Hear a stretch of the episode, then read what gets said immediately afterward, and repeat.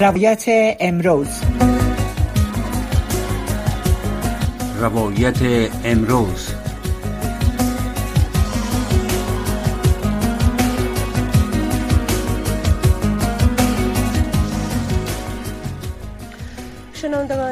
محترم با سلام مجدد روی زمانی هستم با تقدیم برنامه روایت امروز از امواج رادیو آشنا صدای امریکا. طوری که در برنامه قبلی هم شنیدید که سازمان ملل متحد از تخلفات شدید علیه کودکان در افغانستان گزارش به نشر رسانده. یکی چی دلایل باعث این وضعیت در افغانستان شد؟ خب های برنامه با تشریح کردن اونا صحبت داشتن. ای که بحران اقتصادی و تداوم تنش های چندین دهه اخیر در افغانستان. چقدر کودکان را و اطفال را در افغانستان با تهدیدات روانی و روحی مواجه ساخته در این برنامه روی ای صحبت می‌کنیم. بیرون رفت یا راههایی که درک شوه یا شناسایی شوه که یک کودک افسرده است یا یک کودک با اختلالات روانی روبرو است. در این برنامه ما با مهمان برنامه صحبت می‌کنیم. اما نخواست از که به برنامه بپردازیم یک بار دیگر مشروع خبرها را همکارم تقدیم شما می‌کند. احد عزیزاده هستم با اخبار افغانستان منطقه و جان تا این ساعت. انتونیو گوتیرش منشی عمومی سازمان ملل متحد در گزارش سال 2022 در مورد کودکان درگیری های مسلحانه از ثبت صدها تخلف شدید علیه کودکان در افغانستان خبر داده است. این گزارش از وضعیت وخیم و دشوار کودکان در سراسر جهان نیز هشدار داده است گوتیرش در بخش افغانستان این گزارش گفته است سازمان ملل متحد 1797 تخلف شدید را علیه 970 کودک تایید کرده است. علاوه بر این سازمان ملل متحد در سال 2022 استخدام و استفاده از 494 پسر توسط طالبان را که در سالهای گذشته رخ داده بود تایید نموده است. طالبان و جبهه مقاومت هنوز در مورد این گزارش سازمان ملل متحد ابراز نظر نکرده اند. وزیر دفاع بریتانیا می‌گوید تحقیقات در مورد رفتار نامناسب قوای خاص آن کشور در افغانستان که در ماه مارچ آغاز شده بود اکنون به مرحله حساس رسیده است نظر به گزارش خبرگزاری فرانس پرس آقای ولس در یک نامه که به پارلمان فرستاده قبول کرده که این تحقیقات در رابطه به اتهامات علیه قوای خاص آن کشور صورت گرفته است. سازمان عفو بین المللی در واکنش به دستور من فعالیت آرایشگاه زنانه از سوی حکومت طالبان آزار و اذیت جنسی را جنایت علیه بشر خوانده و تاکید کرده که به آن در افغانستان پایان داده شود.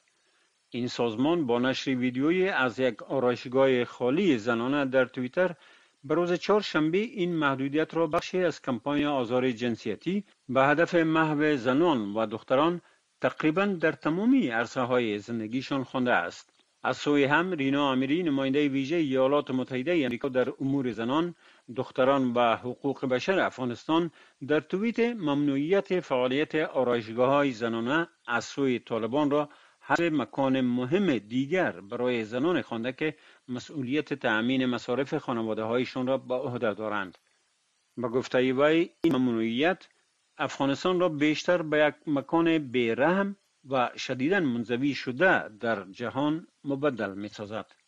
وزارت خارجه چین می‌گوید که ایالات متحده باید پولهای مجمد شده بانک مرکزی افغانستان را دوباره به افغانها بدهد.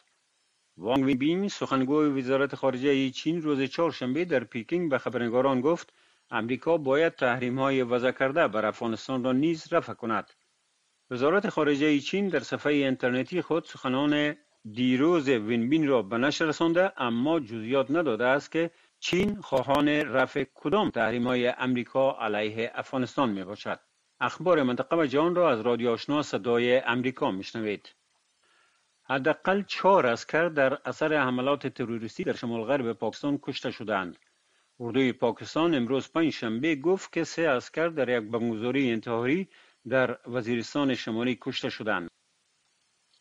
بریتانیا، کانادا، سویدن و اوکراین علیه ایران به خاطر سقوط طیاره اوکراینی در سال 2020 در ارشدترین محکمه سازمان ملل متحد اقامه دعوا کردند. در سقوط این طیاره که سپاه پاسداران انقلاب اسلامی ایران به شلیک راکت بر آن متهم شد، 176 سرنشین و عمله پرواز کشته شدند. حالا چهار کشور گفتند که محکمه جزایی بین المللی باید ایران را به خاطر هدف قرار دادن غیر قانونی تیاره شرکت هوایی اوکراین مسئول قرار بدهد و تهران با عذرخواهی باید به خانواده های قربانیان غرامت بپردازد. این تیاره در هشتم ماه جنوری سال 2020 هنگامی که از تهران به کیف می رفت لحظات پس از پرواز هدف راکت قرار گرفت. بیشتر سرنشینان این تیاره شهروندان کانادا، سویدن، اوکراین، بریتانیا، ایران و افغانستان بودند. محکمه جزایی بین المللی روز چهارشنبه گفت که وضعیت فلسطینی ها را به طور دوامدار تحت نظارت قرار داد. این بعد از آن است که اسرائیل حملات شدید بر شهر جنین در کرانه غربی انجام داده است. محکمه جزایی بین المللی که مرکز آن در شهر هاگ هالند است در سال 2021 تحقیقات رسمی را در مناطق فلسطینی تحت اشغال اسرائیل آغاز کرد. اسرائیل که عضو محکمه جزایی بین المللی نیست از همکاری با این تحقیقات خودداری می کند و صلاحیت این محکمه را هم به رسمیت نمی‌شناسد. رهبر بلاروس می گوید که یوگنی پریگوژین رهبر گروه جنگیان اجیر واگنر پس از یک تبعید کوتاه در بلاروس به روسیه بازگشته است. قرار این خبر الکساندر لوکاشینکا رهبر بلاروس روز پنجشنبه گفت که تا آنجا که مطلع است واگنر در اردوگاه های دائمیشان باقی میمانند و رهبر این گروه در سن پیترزبورگ است جیمز دابنز نماینده پیشین ایالات متحده برای افغانستان و پاکستان به عمر 81 سالگی درگذشت مرکز مطالعات RAND از درگذشت این رئیس مرکز پالیسی امنیتی و دفاعی بین المللی نهاد خبر داد این دیپلمات پیشین امریکایی در های مختلف ایفای وظیفه کرده و در اداره بارک اوباما رئیس جمهور پیشین امریکا برای بیش از یک سال من حیث نماینده ویژه برای افغانستان و پاکستان کار کرد. چین امروز پنج شنبه گزارش داد که 239 تن در ماه جون به دلیل بیماری کووید 19 جانهایشان را از دست دادند که طی ماهها پس از لغو اکثر اقدامات مهار کننده مگیری ویروس کرونا افزایش قابل توجه را نشان می دهد. مرکز کنترل و پیشگیری از بیماری های چین از 164 مورد مرگ و میر در ماه می گزارش داده بود. چین از اوایل سال 2020 استفاده از استراتژی مهار صفر کویت و با قرنطینه های سختگیرانه بسته کردن سرحدات و آزمایش های دستجمی اجباری جان تعداد زیادی را نجات داد. پایان اخبار افغانستان منطقه و جهان تا این ساعت از رادیو آشنا صدای امریکا روکو راست صحبت های داغ صاحب نظران و نظریات شنوندگان در مورد خبرها و مسائل روز هر شام از ساعت 8 تا 9 شب در برنامه مشترک دری و پشتوی رادیو آشنا صدای امریکا. شنونده های محترم شما را به برنامه دوباره خوش آمدید. میگیم برنامه ما روی ای گرفته شده که خب گزارش سازمان ملل متحده در مورد تخلفات که علیه کودکان صورت گرفته شما شنیدید. برنامه قبلی هم روی دلایل و وضعیت کودکان در افغانستان بود. حالا می‌پردازیم به این که خب بحران های اقتصادی و همچنان تنش ها درگیری ها در افغانستان. صدمات خود به جا مانده خصوصا بر روح و روان کودکان. یک چیز واضحی است. گزارش ها هم نشر شده. سیف دی چلدرن اونا گزارش داده بودند که از هر چهار دختر در یک تن آنها افسردگی علائم افسردگی دیده میشه. خب حال می‌پردازیم به ای که چه قسم یک کس یک والدین یک پدر یک مادر بفهمه که طفلش با افسردگی مواجه است. افسرده است یا اختلالات روانی روحی داره. آقای پامیر پاکتین مهمان برنامه ماست تحلیلگر سیاسی است. همچنان در بخش حقوق کودکان اونا دیپلم دارن و همچنان در سالهای اخیر با گفته خودشان که اونا در بخش روانشناسی هم چیزهایی را دستاوردهایی داشتن. ایره هم بگویم شنونده های محترم که ما مهمان دیگی هم داشتیم از افغانستان بنابر مشکلاتی که اونا نتانستن با ما در برنامه باشن. آقای پاکتین در لحظات اخیر برنامه کمیال ما بارشان تماس گرفتیم با ما هستن که ما از اونا جهان سپاس می‌کنیم و آقای پاکتین شما را به برنامه خوش آمدید میگیم. تشکر از شما از برنامه تان سلام احترامات ما خدمت شما خانم زمانی همکارای محترمتان شنوندگان و بینندگانتان که برنامه تان انیاره می‌بینن به این وسیله میرسانم فکر کنم آواز مرا داره بله بله آوازتان بسیار صاف درست میایه خب آقای باکتین در آغاز اگر شما خب گزارش های امروز دنبال کردین تعقیب کردین سازمان ملل متحد امروز گزارش داد از تخلفات شدید علیه کودکان در افغانستان. خب کشورهای دیگری هم شامل این موضوع میشه. لیکن در کل اگر شما در آغاز برنامه نظر خود برای شنونده ها ارائه کنین که کودکای افغان یا کودکان افغان امروز در وضعیتشان در کدام سطح است؟ اونا با در کدام شرایط زندگی می‌کنن در حال حاضر. با تشکر از پرسش شما. اگرچه تخصص که من دارم به مورد وضعیت روانشناسی و اطفال نیست. اما در زمانی که ما تحصیلات ما در فاکلته حقوق علوم سیاسی در افغانستان به اتمام رساندم یگانه مضمون که ما از او دفاع کردم و به اصطلاح دفاع مونوگراف ما می‌گفتیم برش آخرین بار ما یک چیز را باید نوشته می‌کردیم. ما مضمون را انتخاب کردم به نام وضعیت حقوقی اطفال در افغانستان. و سال 1390 بود ما تقریبا 14 سال قبل 13 سال قبل 12 سال حدودا در بر می‌گیره که امو موضوع را من نوشته کردم و تقریبا چندین فصل داشت. و با محتوایش مقدار مسائلی که مربوط به اطفال میشه با مضمون اطفال انتخاب کردن. اما می‌خوایم در رابطه با وضعیت اطفال که گزارش سازمان ملل بود که تعداد زیاد از اطفال افغانستان از وضعیت سوی تغذی و وضعیت روحی و روانی رنج می‌برن این مسئله مسئله خبری شد و اطلاع یافتم موضوع را. می‌خوایم در رابطه با اطفال افغانستان از اینجا شروع کنم که طبق قوانینی که در داخل افغانستان جاری بود تا 20 سال قبل قوانین افغانستان شما طبعا می‌فهمین که قوانین اسلامی است و ناشی از قوانین اسلامی است و با توجه به قوانین بین المللی و مسائل حقوق بشری قانون افغانستان بخصوص قانون اساسی و قوانین فرعی شکل گرفت و در مورد اطفال هم بعض موارد در قوانین مدنی بخصوص قانون خانواده و حقوق اطفال که یکی از مسائل حقوقی از در جهان مطرح صحبت های صورت گرفته و این قوانین وضع شده. در افغانستان که به حرمت اطفال که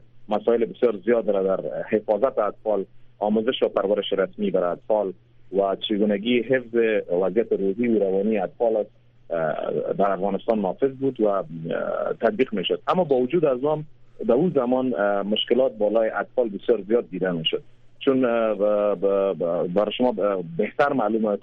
که در برنامه قبلی شما این موضوع را داشتین. اطفال در تمام دنیا در هر کشور که هست که تعدادشان از لحاظ نفوس در هر کشور بیشتر است. جوانا و بخصوص اطفال تعدادشان از لحاظ نفوس بیشتر می باشند در هر کشور. و تعریفی که در مورد اطفال صورت گرفته از لحاظ سنی از بعد از زایش اطفال که نوزاد برش میگن از دوران نوزادی به یک مدت طبق قوانینی که در افغانستان مشخص است تا چند ماهگی و تا چند سالگی که وابسته به مادر می باشند طفل نوزاد گفته میشه به او. و از او بعد اطفال برش کلمه طفل خطاب میشه کودک خطاب میشه یا چایلد که به کلمه انگلیسیش خطاب میشه تا سن 18 سالگی را در بر می‌گیره بعد نسبت به قوانین بعضی کشورها. و مشکلاتی که در افغانستان بالای اطفال است بالای از قشر است مشکلات است که پیامدهای جنگ در افغانستان جنگ های 40 ساله و بسیار زیاده که در افغانستان بوده. پای تاریخ افغانستان این قشر معصوم و بیغرض و ضعیف آسیب رسانده. اما قسم که برای شما معلوم است علاوه اطفال خانما هم مشکلات بسیار زیاد دارن. در کشور مثل افغانستان که کشور جنگ زده است. و علاوه به اطفال خانم ها مردا و کانتالا هم روز روزگار چندان خوب ندارن که برای شما معلوم است. و این مسئله جنگ است و مسئله است که یک حکومت اقتدارگرا و سرکوبگر در افغانستان بر بار دیگه حاکم شده و از این وضعیت تمام اقشار مختلف افغانستان بخصوص کودکا که اونا مرجعی را ندارن که خودشان برن صحبت کنن و به اصطلاح حساب اما بلوغ فکری و عقلی که ما میگیم نرسیدن. بنا به او سازمان های بین المللی قوانین نافذه نافذه در کشورها قوانین فرعی که حفاظت می‌کنن از اطفال در واقع برای اطفال نافذ شده و از اطفال حمایت می‌کنه که باید توسط کشورها و دولت که در هر کشور که هست مراعات شود. بله. خب آقای پاکتین می‌خوایم بپرسیم میره که ببخشین. خب وضعیت خراب است وضعیت در مورد کودکا و گزارش سازمان ملل متحد یکی از ثبوتی است که امروز ما در دست داریم که تعداد را آمار را اونا ارائه کردن از تخلفی که تخلفات شدیدی که علیه کودکان در افغانستان ثبت شده. شما چی فکر می‌کنین که این گزارش ها در مورد وضعیت کودکان در افغانستان که نشر میشه چقدر جدی و تکان دهنده است و و ای که باید چی کارهایی روی دست گرفته شود در داخل از حکومتی که فعلا در افغانستان است یا کشورهای دیگر یا نهادهای دیگر چی کنند که وضعیت در افغانستان تغییر کنه و یا آیا امکان پذیر است در شرایط کنونی که تغییر کنه؟ ممنون از پرسشتان. در مورد وضعیت سوگواره که برای اطفال افغانستان ناشی است و ای که اطفال افغانستان از زوایای مختلف از یک سو اطفال که دختر هستند زیر سن هستند مورد ازدواج های اجباری قرار می گیرند در افغانستان. پسرها و دخترهایی که زیر سن هستند و کار اجباری یکی ازدواج اجباری موضوعی است که قبلا گفتم که زیر سن در افغانستان است و این بسیار زیاد رایج است و حکومت طالبا از قبل هم رایج بود و حالا بیشتر شده. و مسئله کار اجباری است بالای اطفال است و این تمامش ناشی میشه از وضعیت اقتصادی که در افغانستان حاکم شده. برای شما طبعا معلوم است از بعد از خروج ایالات متحده امریکا از افغانستان اکثر کشورها نیروهای خود بخصوص کشورهای اروپایی و اعضای ناتو که در افغانستان یا ماموریت داشتن تماما کارمندای سفارت خود و شمول کسایی که کار می‌کردن در افغانستان در مراجع مختلف کار می‌کردن ما تمامشان تخلیه کردن افغانستان از تنها ارگان که مانده سازمان ملل متحد است و به اونجا هم خانما اجازه را ندارن که با او دفاتر کار کنند. تا قوانینی که اوامر که طالبا بالای از این دفاتر اعمال کرده در رابطه با اطفال اما قسمی که ما قبلا اشاره کردم برای شما موضوعی که مطرح است موضوع اقتصادی است. در افغانستان بعد از خروج ایالات متحده امریکا وضعیت اقتصادی افغانستان به شکل دو برابرش اقتصاد افغانستان ضربه خورد و فقر دو برابر بیشتر شد. گزارشان نشان میده که تعداد بیشتر از 90 درصد مردم افغانستان بالاتر از 85 درصد مردم افغانستان زیر خط فقر زندگی می‌کنند. و این موضوع فقر و تعدید فقر و ناداری در بین مردم افغانستان یگانه ضربه را که می‌زنن و می‌رسه برای اطفال است و برای خانم ها است و برای افشار مختلف است و برای کهنسال است. بنابراین به این وضعیت و این گزارش که سازمان ملل متحد ارائه داشته همیشه کمک های بین المللی قسم که برای افغانستان بوده برای اطفال و برای خانواده هایی که اطفال و خانواده ها را سرپرستی می‌کنن ما یک موضوع را باید بیاد داشته باشیم که در بعض خانواده های است که اطفال خانواده ها را پیش می‌برند. حتی شما باور می‌کنید که در کشورهای سوم بعض خانواده های هستند که در اینجا یک فامیل مکمل اطفالشان پیش می‌برن از لحاظ اقتصادی و پشتوانه اقتصادی خانوادهشان هستند. هم. در یک سن سال و قرار دارن که باید برن مکتب مکتب برن درس بخوانن درس فرا بگیرن علم و آموزش فرا بگیرن آموزش و پرورش رسمی یک موضوع بسیار مهم و حیاتی است برای اطفال در تمام دنیا. یا باید فارغ از مسائل و دغدغه های اقتصادی باید باشن و درس خود فرا بگیرن و با هندیشان رسیدگی شود. و صحتشان رسیدگی شود و خوراک و از لحاظ روانی پشتوانه های روانی روانی یا داشته باشن و یک چتر خانوادگی یا زندگی خود رو برن و از مهر و محبت خانوادگی و پدر و مادر اینا مستفید شوند. که سوگمندانه در افغانستان جنگ ها سبب شده که اکثر خانواده ها پدران خدا یا مادران خدا از دست دادن و اگر پدر و مادر دارن بیچاره کار و شغل ندارن چندانه و اونا مجبور میشن که از لحاظ اقتصادی اطفالشان به وظایف بگمارن تا خانواده های اونا را از لحاظ اقتصادی تقویت کنه و یا به اصطلاح امدار امدار زندگی برشان میسن خب این یک بله خب آقای باکتین با این وضعیت شما دورنمای این جامعه را با این کودکان و اطفال چگونه می‌بینین؟ چی عواقب را در برخوا داشت؟ از این نوع یک طفل که امروز با این مشکلات دست پنجه نرم می‌کنه در آینده چگونه یک فرد به جامعه تقدیم خواهد شود؟ این بسیار سوال مهم و حیاتی است و این برنامه شما در مورد اطفال برنامه بسیار زیاد مهم است. اطفال مهد یک جامعه است آینده یک جامعه است و دورنمای یک کشور نشان میده بدبختانه ما موضوع جنگا را بر شما بگویم. حالا یک حکومت در افغانستان حاکم است حکومت ملاهاست علاوه به اینکه حقوق زنها که یک قش نیمه از قش اجتماع در افغانستان تشکیل میده پامال است. ما چطور می‌تونیم به یک حکومت که حاکم به اونجا در مورد اطفال صحبت بکنیم ما تقریبا بیشتر از یک و چند صفحه در مورد وضعیت حقوقی اطفال در وقت نوشته بودم تقریبا اونم برای شما گفتم 1390 این موضوع رو نوشتم که در اونجا آمارها و ارقام است.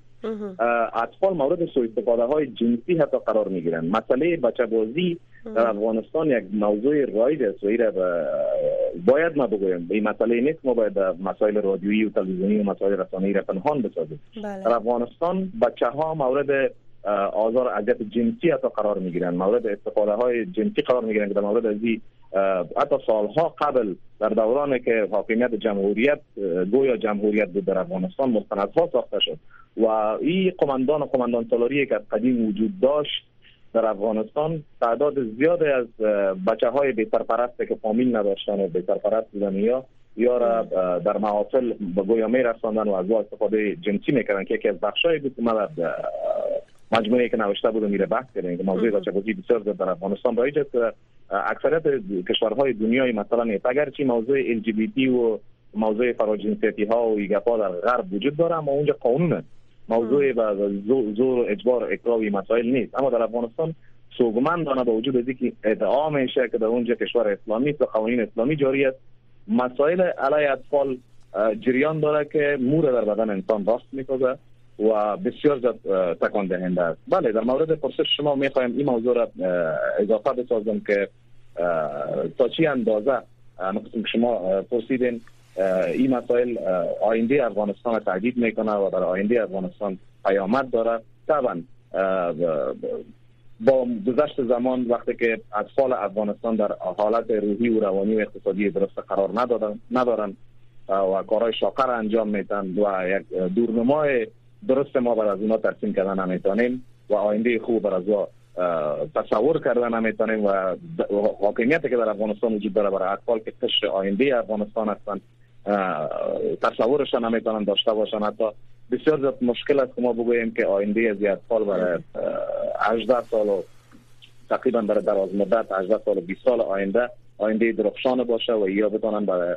افغانستان خدمت کنن و نظر خدمت در کشور که ما داشتیم و داریم واقعی شود. خب آقای پاکتین با این حال بله. ببخشین آقای پاکتین با این وضعیت با این حال نقش والدین چگونه می‌بینین؟ والدین چقدر نقش داره خب او کسایی که بی, سر بی سرپرست هستن مشکل خود دارن. اونایی که والدینشان هستن باز هم کودکانی هستند که اما به گفته آمیانه برای راست نیستن. یا شرایطی که اونا درش زندگی می‌کنن شرایط یک شرایط مشکل است. والدین چی کرده می‌تونن؟ برای بهبودی اوضاع یک کودک یا وضعیت یک کودک خصوصا کودک خودش در یک خانواده.